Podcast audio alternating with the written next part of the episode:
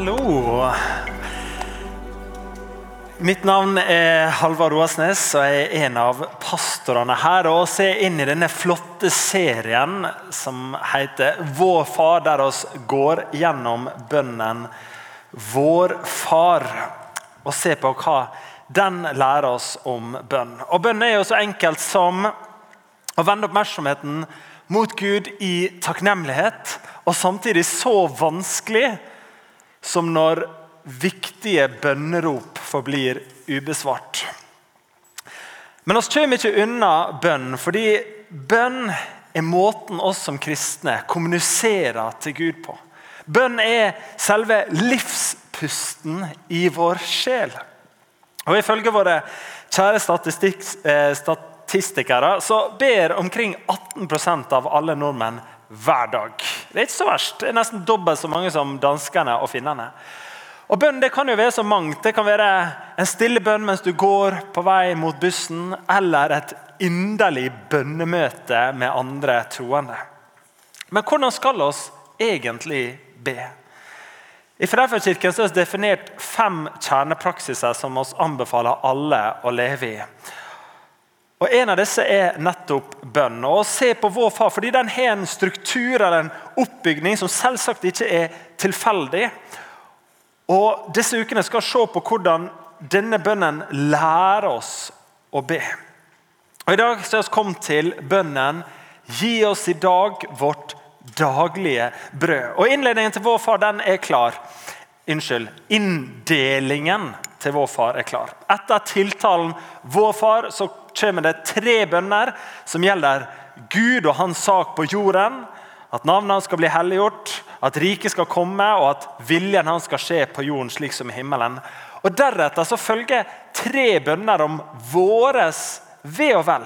Det er bønner om brød, om synstilgivelse og bevarelse.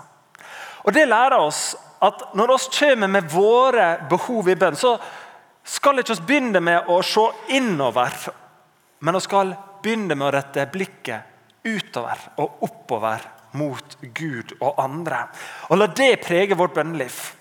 Og Det er viktig at det kommer i denne rekkefølgen, så vårt bønneliv ikke blir for selvsentrert.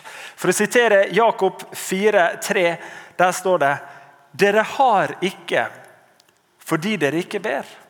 Dere ber, men får ikke fordi dere ber galt dere vil sløse det bort i nytelser. I vår far så lærer oss å be om at Guds vilje skal forme våre liv før vi kommer med våre egne bønneønsker. Vi forenes altså med Jesu interesser i verden før vi kommer med våre egne interesser. Og Målet vi ønsker å oppnå med denne serien om bønn denne høsten her, er at du skal få hjelp til å styrke bønnelivet ditt. At du skal få dra hjem etter denne søndagen med en ny forståelse og inspirasjon til å be. At du den kommende uken og månedene skal få lov å investere mer tid i bønn. At du skal få lov å få større glede av bønn ved å be på nye måter, på mesterens måte. Og så er det vår bønn at over tid skal få lov å lede til gode vaner som kan være med deg i en livslang relasjon til Jesus. Så la oss begynne med å be. Herre, oss ber deg, hjelp oss til å be. Må du ved din Hellige Ånd åpne våre indre øyne, slik at vi ser verden mer slik som du ser den. Må du gi oss vilje og lyst til å gjøre det gode, og må du fornye vår kjærlighet til deg. Og så ber oss om at ditt ord skal få lov å prege denne gudstjenesten og skape noe nytt i oss. Amen.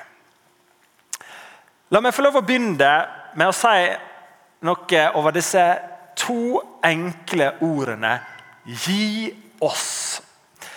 Den kanskje mest utbredte forståelsen av bønn er det å be Gud om noe. Vi ber, kan, eh, ber han gjøre, være eller gi oss noe. Og I dette tilfellet er det daglig brød som vi skal komme tilbake til. Men hvis vi tenker oss om, så er det å be om noe en sentral del av det å være menneske. Relasjonen mellom to mennesker kan forstås som en serie med henvendelser der vi velger å takke ja eller nei til. Og Gjennom ulike tilnærminger ber oss den andre om oppmerksomhet, om ting, om ord, om nærhet, om tjenester, om gaver, om tid osv. Relasjonen den styrkes eller svekkes ut ifra hvordan vi svarer på disse henvendelsene. Og Sentralt i en sunn relasjon er også muligheten til å si nei. Ved å genuint spørre om noe, ikke forvente eller kreve, så anerkjenner vi oss nettopp at den andre personen har mulighet til å si nei. Og Det er vakkert å se gode relasjoner der det å spørre og motta på en respektfull måte, det er en kjærlighetsfull måte å leve på. Og så er det tilsvarende vondt å se vonde og usunne relasjoner der han har slutta å spørre hverandre på en god måte. Men jeg begynte å kreve, forvente eller gripe ting ved makt.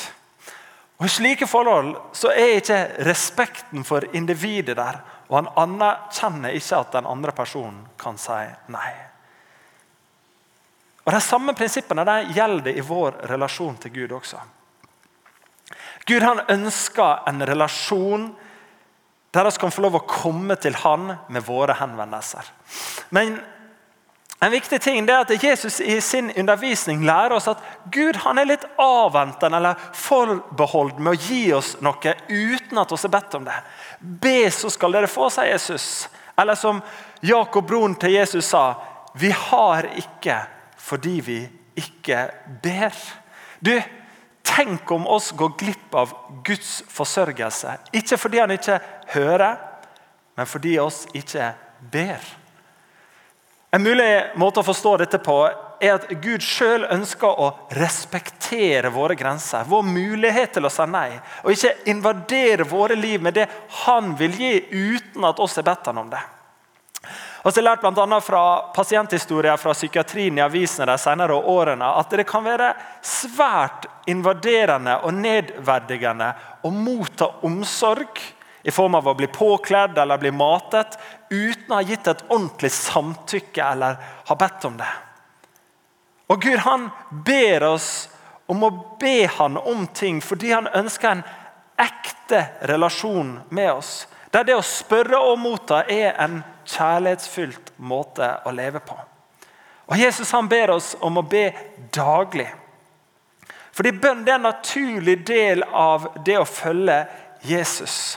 Og Når vi ber daglig, så bygges det en tettere relasjon til Gud. Vi går videre og ser på hva Jesus lærer oss å be om. Gi oss i dag vårt daglige brød. Brødet det var den viktigste bestanddelen av israelittenes kosthold. Og Det er ikke så langt fra virkeligheten til oss nordmenn som spiser helt enormt med mengder med brød. Jeg husker det som en amerikaner bak meg på en hotellfrokost sa «Bread, bread, bread, bread and more bread». Han hadde åpenbart blitt lei av brød i det norske kostholdet. Og Brød her det må forstås som mat i videste forstand. Men daglig brød kan også tolkes åndelig. Kirkefedrene følte etter hvert at denne bønnen var litt for verdslig og ga den en mer åndelig tolkning. At Gud måtte gi våre sjeler åndelig næring. Som Jesus sier selv når han refererer til Skriften, det står skrevet at mennesket lever ikke av brød alene, men av hvert Guds ord. Og En åndelig tolkning er fullt mulig dimensjon i denne bønnen. Men valgene av ord her peker primært på bønn for det nødvendige til livets opphold, i tillit til at Gud har omsorg for oss og vil at vi skal få det. Og Med den bakgrunnen vil jeg løfte fram at metaforen 'daglig brød' taler til to ting. Den ene er at det er en bønn som svarer til bekymringen om at oss har det oss trenger i livet. Og en bønn mot fristelsen til å konsumere langt mer enn det vi trenger i livet. Og la meg kort berøre dette måtehold- og velsignelsesperspektivet eller nok-perspektivet i bønnen. Og Jeg kunne snakka lengre om dette, men jeg valgte å vektlegge dette behov- og bekymringsperspektivet i bønnen. Men i korte trekk så vil jeg si at det å be om daglig brød lærer oss å være fornøyd når oss har det oss trenger. Og det å bli bevisste på at det fins andre rundt oss som trenger å bli velsignet av vår overflod. Så Når vi ber for våre behov, så lærer Jesus oss at våre bønner over tid bør bli preget av et sånt måtehold og velsignelsesperspektiv. At oss ber gi oss i dag vårt daglige brød, fordi det er en klode som trengs å bli forvalta på en bærekraftig måte. Vi ber gi oss i dag vårt daglige brød fordi våre ressurser må deles rettferdig. Vi ber gi oss i dag vårt daglige brød fordi oss er kalt til å dele med andre. Og vi ber gi oss i dag vårt daglige brød fordi det også er godt for en selv i det lange løp. Og Det siste perspektivet om måtehold, at det er godt for en sjøl i det lange løp det bringer meg videre til dette med bekymring. Og Dette her mener jeg er viktig. Ditt nok-punkt reduserer eller forstørrer sirkelen av ting av det du potensielt kan bli bekymra over. Jo mer du trenger for å bli fornøyd, jo større blir sirkelen av ting du potensielt kan bli skuffa eller bekymra over. Og Hør hva Paulus sier om dette. For jeg lært for jeg har lært å klare meg med det jeg har. Jeg vet hva det er å ha trangt, og hva det er å ha overflod. I alt og i alle ting er jeg innviet. Å være mett og være sulten, å ha overflod og lide nød. Alt makter jeg i Han som gjør meg sterk. Paulus hadde fått redusert sitt nok-punkt til sitt daglige brød. Paulus hadde lært seg å være takknemlig og fornøyd med sitt daglige brød. og Derfor var verken overflod eller knapphet noe som trua hans indre fred. Og Nøkkelen var at han stolte på at Gud ville forsørge han og gjøre han sterk. Vi går videre. Mitt hovedpoeng er altså at bønnen 'gi oss i dag vårt daglige brød' svarer til menneskers bekymring over våre behov i livet. Bønnen svarer til disiplenes usikre og fattige levekår i den første tiden. Samfunnet var jo i mye større grad preget av en sånn hånd-til-munn-tilværelse. Han var dagsarbeider og jobba på dagen, og på ettermiddagen så fikk han lønn for strevet. Og Det var provasjonsbasert. altså Han fikk lønn for det han klarte å gjennomføre av arbeid. Og Derfor var det i hele tatt en masse større, mye større usikkerhet om han hadde nok mat til livets, nok til livets opphold og mat. Og Selv om vi kanskje ikke bekymrer oss like masse for at om vi har mat på bordet, så har vi mange reelle behov og bekymringer. Så hvordan kan da bønn til Gud gi hjelp i møte med våre bekymringer?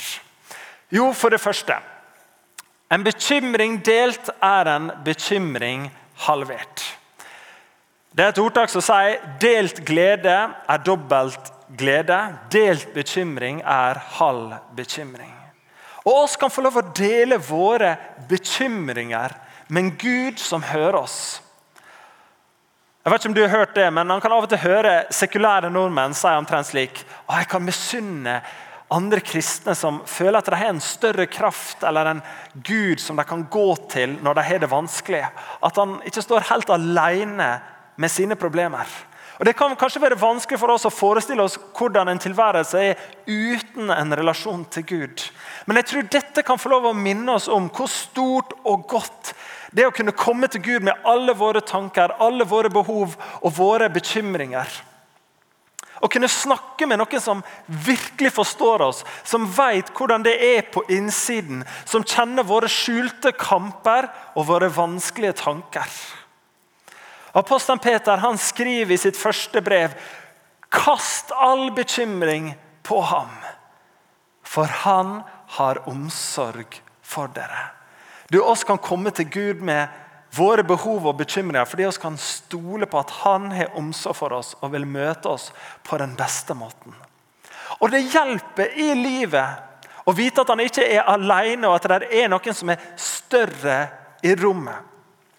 Tenk bare på når barn er små, eller kanskje når du var liten. Når du ikke fikk, lov, fikk, til å sove fordi du var bekymra over noe, eller kanskje du var urolig for å være alene. Da er det ikke alltid et ord som hjelper. Foreldres forsikring om at det er trygt å sove, det går fint.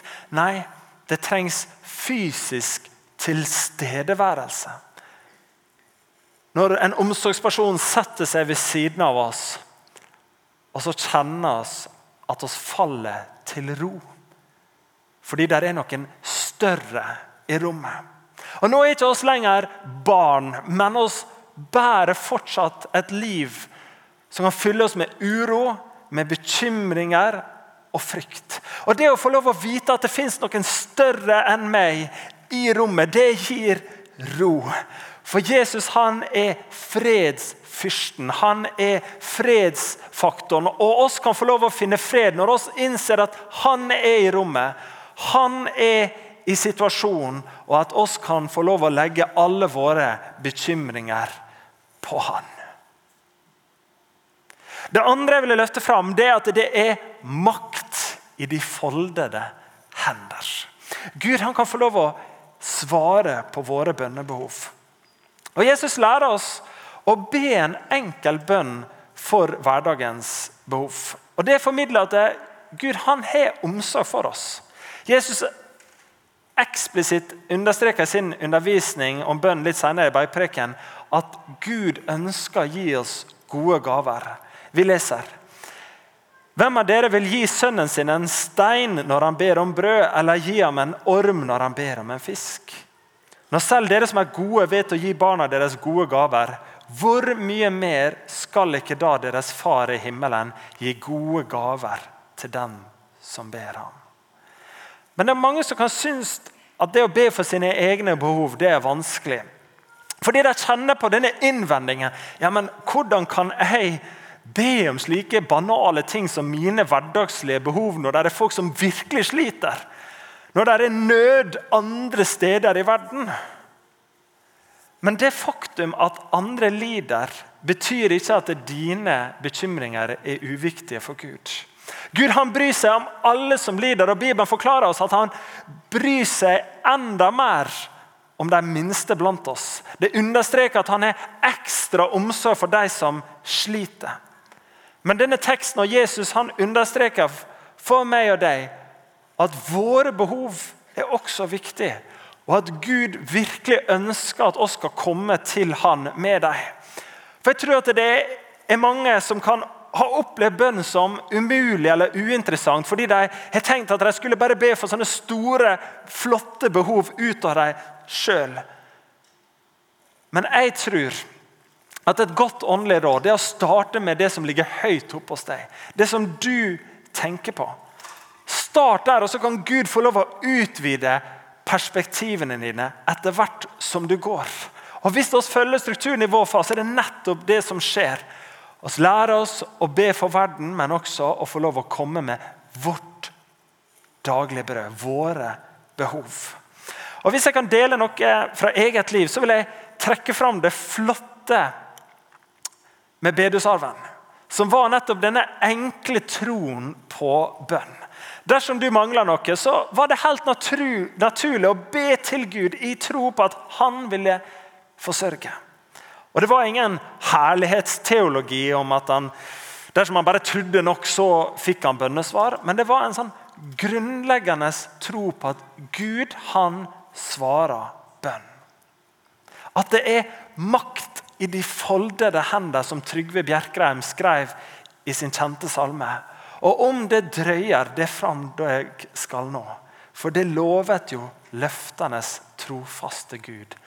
Kall på meg, og du hjelpen skal få. La meg få lov å dele to korte historier om bønnesvar fra eget liv. Den ene historien det var når jeg sjøl opplevde å få være et bønnesvar for noen andre. En venninne av meg, Louisa, hun um, ba for en annen gutt som hadde det vanskelig, og ba konkret om at jeg skulle komme i kontakt med han og snakke med han og hjelpe han. Og dette her var på en torsdag, og på lørdagen så var jeg på et ordentlig pinsebønnemøte. Og Midt i denne atmosfæren så kommer det en sterk indre stemme til meg som sier Gå og snakk med denne gutten. Og Jeg gjør det på lørdagen, og jeg får snakka med Louisa på mandagen. Og når jeg forteller at jeg har oppsøkt denne gutten, ja, da blir hun helt over av seg i begeistring over at Gud hadde hørt hennes bønn, og at Gud hadde sendt meg uten at jeg og hun hadde snakka sammen. Hun fikk oppleve at Gud svarte på hennes bønn.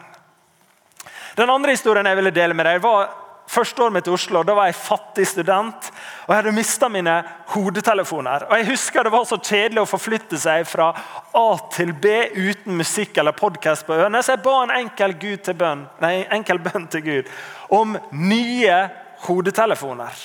Og Et par dager senere så går jeg, og sannelig, på fortauet utenfor en dagligvarebutikk ligger der et flunkende nytt Marshall-headset. Og Jeg plukka det opp, og som god kristen så tok jeg ikke det med en gang. Men jeg gikk inn på butikken og sa at liksom, her var dette var tapt. Det er noen som savner det, så kan dere gi det til det. Eller så ring gjerne meg, så kan jeg ta det.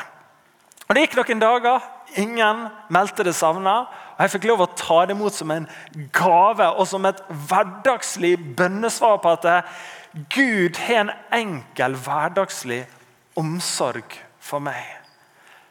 Og Jeg tror at oss trenger å be mer konkrete bønner, så vi kan få lov å se konkrete bønnesvar som kan få lov å være sånne tegn fra himmelen om at Gud er med i våre liv.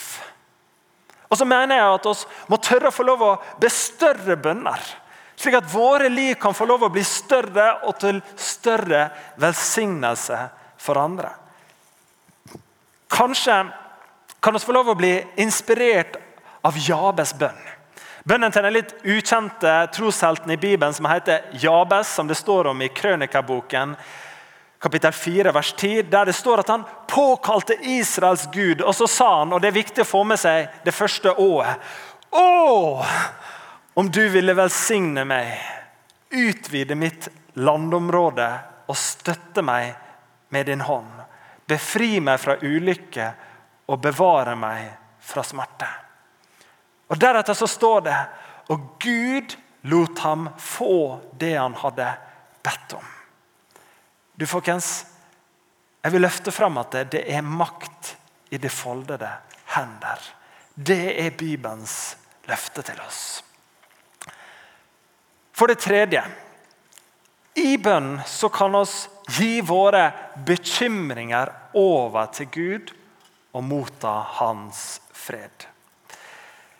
Det tredje jeg vil snakke om, det er å slippe vårt kontrollbehov og gi bekymringen over til Gud og stole på at Han vil gi oss det vi trenger, og at vi i retur kan få lov å motta Hans fred. Det, når det kommer til bekymring, så er faktisk Jesus overraskende tydelig. Hør hva han har å si i bergprekenen. Derfor sier jeg dere, vær ikke bekymret for livet hva dere skal spise eller hva dere skal drikke. Heller ikke for kroppen, hva dere skal kle dere med. Er ikke livet mer enn maten og kroppen mer enn klærne? Se på fuglene under himmelen. De sår ikke, de høster ikke og samler ikke i hus, men den far dere har i himmelen, gir dem føde likevel. Er ikke dere mer verdt enn de? Hvem av dere kan vel med all sin bekymring legge en eneste alen til sin livslengde. Og så avslutter han. Så gjør dere ingen bekymringer for morgendagen. Morgendagen skal bekymre seg for seg selv. Hver dag har nok med sin egen plage. Hva er bekymring? Det som er felles for all form for bekymring, det er et ønske om kontroll i livet. Å bekymre seg det er å forsøke å forstå eller få kontroll over en fremtidig virkelighet.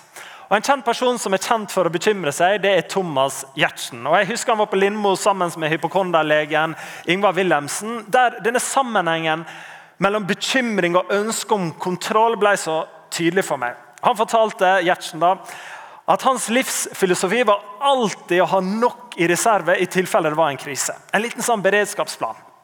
Han fortalte at han for alltid passa på å lade mobilen fra 50% og oppover. Han hadde faktisk aldri hatt batteriet sitt under 50% Og Det var fordi han hadde konkrete strategier på dette. her. Først så lada han ikke om natten, for det er jo risiko for brann. Så det kan han bekymre seg over. Og så, derfor var Det første han gjorde om morgenen var å plugge i laderen før han kom i gang med morgenrutinen sin. for lader den opp. Så hadde han en lader i bilen og så hadde han en lader på kontoret. og så overvåka han, så han passa på at han alltid hadde nok strøm på mobilen.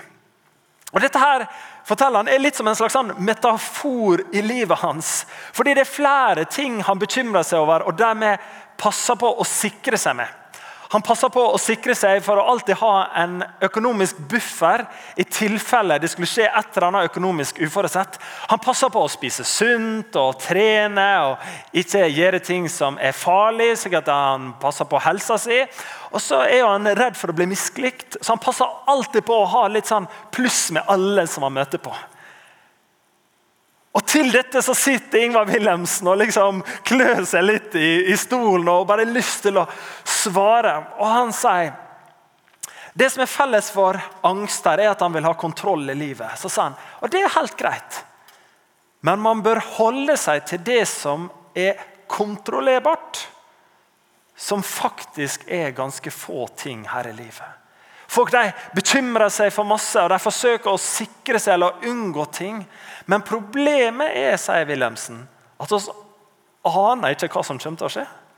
Wilhelmsen sin holdning er at det meste her i livet det får ikke oss kontroll på. Verden det er et usikkert sted å være. Alt kan skje med alle. Det eneste vi kan ta kontroll over, det er våre egne holdninger og handlinger. Og Hele poenget er at vi må lære oss å tåle usikkerhet og risiko. Vi må slippe vårt kontrollbehov og ikke prøve å sikre oss utover det som han kaller vanlig norsk standard. Videre vil jeg si at Bekymring kan være en gave når det leder oss til å løse konkrete problemer. Uroen som driver oss til å forberede oss godt til eksamen eller til et viktig jobbmøte, den er jo god. Bekymringen det kan være en gudgitt gave, en venn i nøden, en beskyttelse mot farer. Det er varsellampen som identifiserer farer, og som kan være livreddende. Da reagerer kroppen med angst, indre uro og gjøres klar til å kjempe eller flykte. Å leve uten angst er jo derfor livsfarlig. Men unødvendige bekymringer bruker opp dagens krefter uten å løse morgendagens problemer. Og Når Jesus advarer oss mot å bekymre oss for morgendagen, så tror jeg at han mener at vi skal reservere bekymringen for det som er ekte problemer. For Det er nemlig lett å tolke situasjoner eller opplevelser som truende uten at de egentlig er det.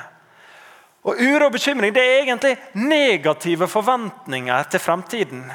Men ofte så er min uro helt unødvendig. Jeg bekymrer meg for saker som aldri inntreffer, og omstendigheter som ikke skjer. Så bønnen 'Gi oss i dag vårt daglige brød' den lærer oss å leve en dag om gangen. Og ikke være bekymret over en ukjent framtid. Og Metaforen 'daglig brød' spiller ganske sikkert også på fortellingen om manna som Israelfolket fikk i ørkenen. Som også løfter fram dette poenget om å leve én dag om gangen. Der står det Da sa Herren til Moses.: Se, jeg vil la det regne brød ned til dere fra himmelen. Og hver dag skal folket gå ut og sanke en dagsrasjon. Israels barn i ørkenen var sultne, og Gud han sendte dem manna, mat fra himmelen. Men det var en betingelse. De måtte bare sanke for sine umiddelbare behov. For sanka de for flere dager om gangen, så ble maten bederva. Å be om vårt daglige brød lærer oss derfor å ikke unødig bekymre oss om ting som vi ikke kan kontrollere. Å akseptere at vi får ikke kontroll på alt. Og får lov å gi vårt kontrollbehov til Gud. Og I vår tid så er praksisen mindfulness en populær metode for å håndtere ubehagelige tanker og følelser. Og Målet her er å være oppmerksom på det som erfares i øyeblikket, uten å reagere på det. Det handler liksom om å slippe kontrollen og forsøke å bare akseptere at tingene er som de er. Men kristne har til alle tider praktisert bønn som sin metode for å håndtere sine ubehagelige tanker og følelser. Og Som kristne så slipper vi å slippe kontrollen ut i det store intet, men vi kan få lov å gi kontrollen til Gud. Og få lov å stole på Guds forsyn i prosessen. Og velge å tro og stole på at Gud han vil virke alt til det gode. Og Den freden og roen og tryggheten som oss kan ha i våre liv, det bygger ikke på at vi er helt trygge. For det har ikke Gud gitt løfte om. Men det bygger på at vi våger å stole på at Gud vil være med oss gjennom alt.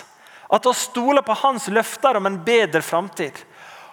At hans løfter om at han vil snu det vonde til noe godt. Og Dette her kan jo kanskje høres ut som en løsning for de som allerede har en litt sånn unevrotisk og lite plaga personlighet. kan du kanskje tenke, Dette her gjelder jo ikke meg. Men jeg tror at Jesu ideal om bekymringer det er ikke uoppnåelig å bære for de som er sterke. For akkurat som angstreaksjonen er en gudgitt gave i kroppen, så kan også fred og ro i sinnet være en gudgitt gave. Noe vi kan be og velge å ta imot. Som Jesus sier senere i Johannes evangelium 14-7, Fred etterlater jeg dere. Min fred gir jeg dere. Ikke den fred som verden gir. La ikke hjertet bli grepet av angst og motløshet. Et annet sted i Bibelen så står det Vær ikke bekymret for noe, men legg alt dere har på hjertet, framfor Gud. Be og kall på ham med takk, og Guds fred, som overgår all forstand, skal bevare deres hjerter og tanker i Jesus Kristus. Og I Jeremia 29, 11, der står disse vakre ordene som har gitt håp til så mange foran oss. For jeg vet hvilken tanke jeg har for dere, sier Herren fredstanker og ikke ulykkestanker. Jeg vil gi dere fremtid og håp. Og En forutsetning for at dette skal gi oss håp, er at vi tror på Gud og velger å stole på hans løfter. En forutsetning for at vi skal få lov å ta imot Guds fred, er at vi velger å tro på Gud og ta imot hans løfter om fred. Når vi gir våre bekymringer til Gud, så kan det få lov å gi en større fred. Fordi det er frigjørende å slippe kontrollen og få lov å gi den til Gud, som har større oversikt og makt enn oss. Så rent praktisk, når vi kommer med våre daglige bønnebehov og våre bekymringer, så kan vi få lov å øve oss i å få lov å legge dem over på Gud og ta imot hans fred. Helt til slutt. Som jeg nevnte i innledningen, så er målet at du skal få lov å få en fornya tro på bønn. Og hjelp og inspirasjon i ditt daglige bønneliv. Og Derfor vil jeg avslutte med at oss tror virkelig på en Gud som svarer på bønn. Det er så lett at våre bønner blir å styrke meg, gi meg visdom, utruste meg, framfor at Gud faktisk skal få lov å gripe inn i livet vårt. Og jeg tror at Vi må av og til adressere vår tids dragning mot en deistisk gud. En gud som er der oppe og har skapt universet, så han trykker seg langt unna. Han blander ikke seg inn i våre liv. Nei, Evangeliet har en helt annen fortelling. Det er en fortelling om Gud som griper inn i vår verden. Som sendte Jesus Kristus, sin sønn, den treenige Gud, ned til vår jord for å dø våre synder og seire over døden og slik gi livet til oss mennesker ved Den hellige ånd. Han kom ned og viste en Gud som brydde seg om mennesker, og som svarte deres bønner. Vi tror at det er makt i de folda hendene, at det er en kraft i å be i den åndelige verden, der store ting kan bli utført i samarbeid med Gud, og på samme tid i harmoni med friheten og verdigheten til alle mennesker. Bibelen, Jesus Kristus, utfordrer oss til å be til Gud i tro og tillit på at Han vil svare oss. Amen. Du har nå hørt en podkast fra Filadelfia-kirken i Oslo. Vil du vite mer om oss, gå inn på filadelfia.no. Og ikke minst velkommen til å feire gudstjenester med oss hver eneste søndag, enten fysisk eller online.